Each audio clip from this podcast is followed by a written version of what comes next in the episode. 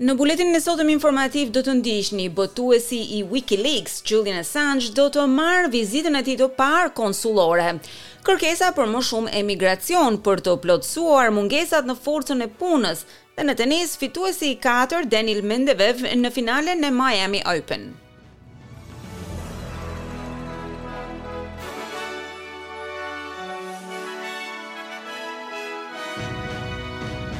Fillojmë gjerësisht me lajmet. Komisioneri i lartë australian në Mbretërinë e Bashkuar, Stephen Smith, thotë se do të vizitojë botuesin e Wikileaks, Julian Assange. Kjo vizitë do të bëhet edhe vizita e parë konsullore tek Assange në tre vite dhe hera e parë që një komisioner i lartë e takon atë personalisht. Smith tha për SBS News se do të takohet me Assange në burg. So shortly after I arrived here his father approached me requesting that I Menjëherë pasi mbërrita këtu, babai i tij më tha se duhet të vizitoja zotin Assange. Për herë të parë që nga fundi i vitit dy mijë e nëntëmbëdhjetë, ai ka treguar se është i përgatitur të pranojë një vizitë konsullore nga një zyrtar australian dhe pata fatin të jem unë. Jam i kënaqur për këtë sepse kjo më lejon ta kuptoj atë, diçka të cilën nuk kemi patur mundësi që ta bëjmë për tre vitet e kaluara.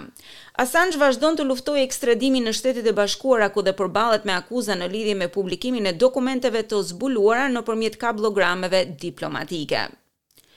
Shoqata e Industrisë së Strehimit thotë se mungesat në forcat e punës kanë treguar se po ndikojnë edhe në ekonominë australiane.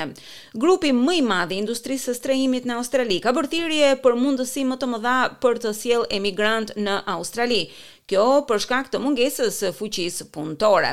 Shoqata e Australisë tha se çështja është e ndërlikuar, ndërkohë që popullata australiane është rritur me treqind mijë emigrantë të cilët janë zhvendosur në këtë vend brenda dymbëdhjetë muajve të fundit. Kjo ka ndikuar sigurisht edhe në krizën kombëtare të strehimit. Ndërsa vizat e përhershme dhe afatshkurtra janë ofruar për të tërhequr punëtorë të kualifikuar, kjo shoqatë thotë se kërkesa për punësim për kohë të plotë i bën ato jo praktike për industrinë e ndërtimit, pasi shumica e punëtorëve në këtë industri janë nën kontratë ose të vetëpunësuar. Dhe janë bërë publike rezultatet e një studimi të ri, i cili ka në qendër të vëmendjes sindromën e zorrës së irituar. Një në pesë australianë përjeton simptoma të kësaj sëmundjeje dhe më të prekur janë të rinjtë dhe gratë. Studiuesit në Universitetin Monash kanë botuar një libër gatimi i cili i ndihmon pacientët të kuptojnë se çfarë lloj ushqimesh shkaktojnë më shumë simptoma. Profesorja e asociuar Jane Muir nga Universiteti Monash ndihmoi për të studiuar shkencën dhe aty është bazuar edhe publikimi i librit. It stands for a group of short-chain carbohydrates that are poorly fermented in the small intestine. And the F stands for fermentable, and the O for oligosaccharides, and the D for disaccharides, and the M for monosaccharides, a P and, and P is for polyol. So these are actually just sugars that are naturally in our diet Titulli i librit FODMAP qëndron për një grup karbohidratesh me zinxhir të shkurtër që fermentohen në zorrën e vogël. F do të thotë fermentueshëm, O për oligosakaride, D për disakaride, M për monosakaride dhe P për poliolet. Pra janë në fakt sheqerna që ndodhen natyrshëm në dietën tonë, por që mund të shkaktojnë simptoma të këtyre zorrëve. Plani i të ngrënit nuk funksionon për të gjithë, megjithatë ka qenë efektiv në lehtësimin e simptomave për shtatëdhjetë e pesë për qind të të sëmurëve. Presidenti i Shteteve të Bashkuara, Joe Biden, i ka kërkuar rusëve të lirojnë reporterin e Wall Street Journal, Evan Gershkovich, pasi Shërbimi i Sigurisë së këtij vendit e ka arrestuar me akuzën e spiunazhit, Akuza që gazetari i ka mohuar. Është hera e parë që një gazetar i Shteteve të Bashkuara arrestohet nën akuzën e spiunazhit që nga Lufta e Ftohtë. Zëvendëspresidentja e Shteteve të Bashkuara Kamala Harris thotë se është e shqetësuar për arrestimin në fjalë. I am not gonna comment on an ongoing criminal case as it relates to the former president, but I will say as it relates to the American citizen that has been detained by the government. Nuk do të komentoj në lidhje me çështjen penale që ka të bëjë me ish-presidentin, por dua të them se shtetasi amerikan që është arrestuar nga qeveria ruse na ka shqetësuar. E themi në mënyrë të qartë se nuk do të tolerojmë dhe do ta dënojmë me forcë shtypin e gazetarëve. Jemi të shqetësuar për çdo përpjekje për të mbytur lirinë e shtypit, tha ajo.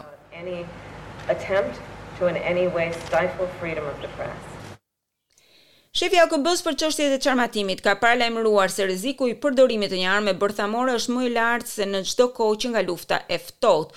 Lufta në Ukrainë përfaqëson shembullin më të fortë të këtij rreziku, tha përfaqësuesja e lartë e OKB-së, Izumi Namakitsu.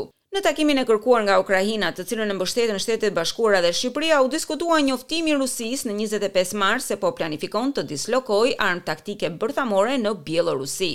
Një juri e madhe e New York ka votuar pro ngritjes së një padie penale ndaj ish-presidentit Donald Trump. Akuzat nuk janë bërë publike, por hetimet janë përqendruar në pagesat e bëra gjatë fushatës presidenciale të vitit dy mijë e gjashtëmbëdhjetë për të blerë heshtjen e ish-aktores së filmave pornografikë Stormy Daniels në një marrëdhënie seksuale që ajo pretendon se ka patur me zotin Trump. Kjo shënon edhe herën e parë në historinë e vendit që një ish-president akuzohet për kryerjen e një vepre penale. Ish-presidenti Trump e cilësoi vendimin një gjueti shtrigas dhe persekutim politik. Padia u ngrit nga prokurori i qarkut të Manhattanit Alvin Bragg dhe u mbështet nga juria e madhe, por akuzat do të bëhen publike vetëm kur zoti Trump të paraqitet përpara gjykatësit pasditen e të martës. Ekspertët besojnë se zoti Trump mund të akuzohet për falsifikimin e të dhënave të biznesit, Profesori i drejtësisë në Fakultetin Juridik të Kolumbisë, John Coffee Junior, thotë se ka shumë për të spekuluar se me çfarë akuzash penale do të përballet Trump. Paying hush money is not illegal, falsifying business records is, but falsifying business records is only a misdemeanor. Pagesat e parave nuk janë të paligjshme, falsifikimi i të dhënave të biznesit është. Falsifikimi i të dhënave të biznesit është vetëm një kundravajtje e dënueshme me më shumë se gjashtë muaj burg. Është krim nëse falsifikohen të dhënat për të fshehur një krim tjetër, dhe ky është krimi për të cilin do të pretendojë qeveria, tha ai. Ish ylli paraolimpik i Afrikës së Jugut, Oscar Pistorius, nuk ka të drejtën e lirimit me kusht. Tridhjetë e gjashtë vjeçari vuajti tetë nga trembëdhjetë vitet e dënimit të tij për vrasjen e Reeva Steenkamp në vitin dy mijë e trembëdhjetë.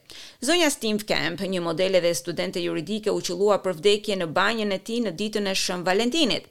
Zëdhënësi kombëtar i shërbimeve korrektuese Singabakho Nxumalo, tha se zoti Pistorius nuk ka arritur ende në periudhën minimale të paraburgimit të kërkuar për t'u kualifikuar për lirim të parakohshëm.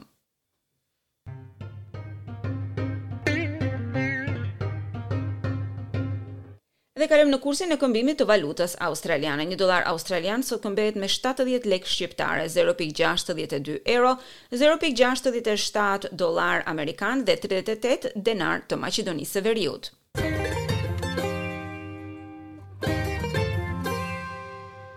Kalojmë në sport, Daniil Medvedev i ka përjetuar një prove raskapitëse nga miku dhe kolegu rus Karen Khachanov për të fituar një vend në finalen e Miami Open.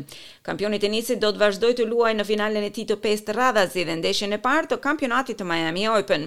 Medvedev do të përballet ose me kampionin e Spanjës, Indian Wells, ose me numrin një të botës, Carlos Alcaraz, ose me italianin që qëndron në numrin dhjetë, Jannik Sinner të dielën. Dhe kalojmë në parashikimin e motit. Sot nëpër qytetet australiane u regjistruan këto temperatura: Sydney pesëmbëdhjetë njëzet e një, Melbourne dymbëdhjetë gjashtëmbëdhjetë, Brisbane tetëmbëdhjetë njëzet e tetë, Perth gjashtëmbëdhjetë njëzet e shtatë, Adelaide njëmbëdhjetë nëntëmbëdhjetë, Canberra pesë nëntëmbëdhjetë, Hobart tetë shtatëmbëdhjetë dhe Darwin njëzet e pesë tridhjetë e katër gradë Celsius.